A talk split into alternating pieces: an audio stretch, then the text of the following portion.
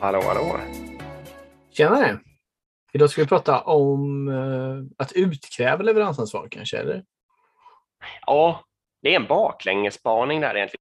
Vi får se vad Mm. du tycker. Men uh, jag har funderat över det här. Uh, alltså genom mina år av ledarskap så dyker ju ibland den här frågan upp. Vem är leveransansvarig?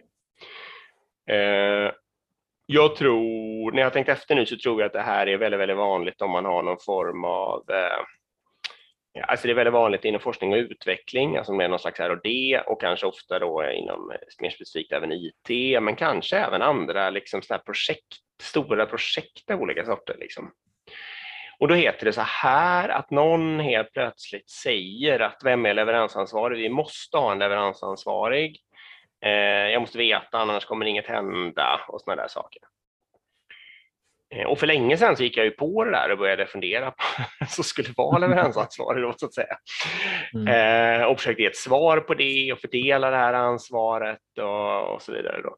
Mm. Men sen genom åren så har jag någonstans insett att det är inte det som är problemet i så fall. Om den här frågan ställs så har man ett annat kulturellt problem. Och det tror jag då kretsar kring att människor inte är motiverade eller människor har inte, kan inte se helheten, alltså man kan inte se vilket slott de bygger utan de står bara och hackar sten liksom nere i hörnet eller något sånt där. Eh, om man har motiverade människor som ser helheten så blir det aldrig någon issue liksom om vem som är leveransansvarig. Och typexempel då kan vara när det här händer, det är ju om man har en linjeorganisation och en projektorganisation, då brukar det väldigt ofta heta så här, är projektledaren leveransansvarig eller är det linjechefen? Och vad är de leveransansvariga för? Liksom? Typ att linjechefen kan usch. vara för en liten del Usch, och projektledaren för en helhet. Men det kan också vara en teambaserad organisation. Ett team behöver göra liksom en, en leverans tillsammans och då börjar någon, ofta någon som inte kan det här med teambaserade organisationer, då börjar den oroa sig för att jaha, men om det där, det kanske inte ens finns någon tydlig li- linjechef, teamet kanske är ihopsatt av folk med olika linjechefer. Liksom. Men hur ska det gå? Vem ska då bli leveransansvarig? Mm.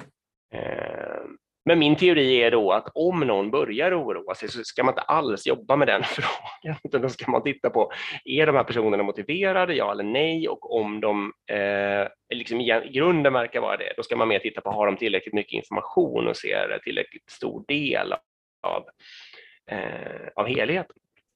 Har du några funderingar på det här? Nej, men jag håller med. Det blir en kulturfråga väldigt fort det där.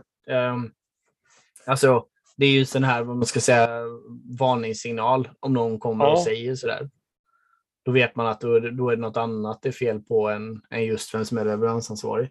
Ja. Sen så tycker jag ju fortfarande att det kan finnas, jag menar det finns många gånger poänger att säga att man ska göra något initiativ eller något sidoprojekt. Det kan ju vara jobbrelaterat i form av, av det man jobbar med, men det kan ju också vara till exempel att ja, vi ska, alla ska träffas fysiskt nu och äta en lunch ihop. Att man har någon som koordinerar eller styr det. Liksom. Det är ju inget fel i det. Liksom. Man får inte blanda ihop det. Men sen, Eh, jag känner men väl men att det är inte- vill in... ja, Ja, fortsätt.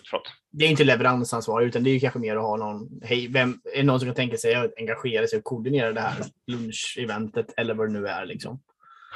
Ehm, men, men just leveransansvarig, då känns det som att man, varför vill man ha, varför är det viktigt för den personen att hitta den? Jo, det är ju för att man ska kunna hänga någon om det går Ja, fel. Ungefär. exakt.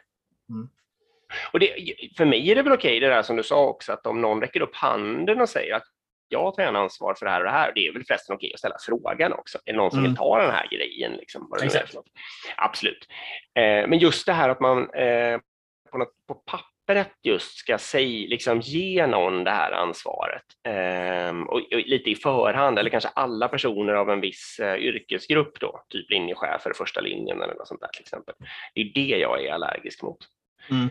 Ehm, och jag, menar, jag är väl inte så, man kan väl ha vissa sådana ansvar, är väl, alltså att man har ett arbetsmiljöansvar som linjechef, det kan jag ju ställa upp på. Liksom.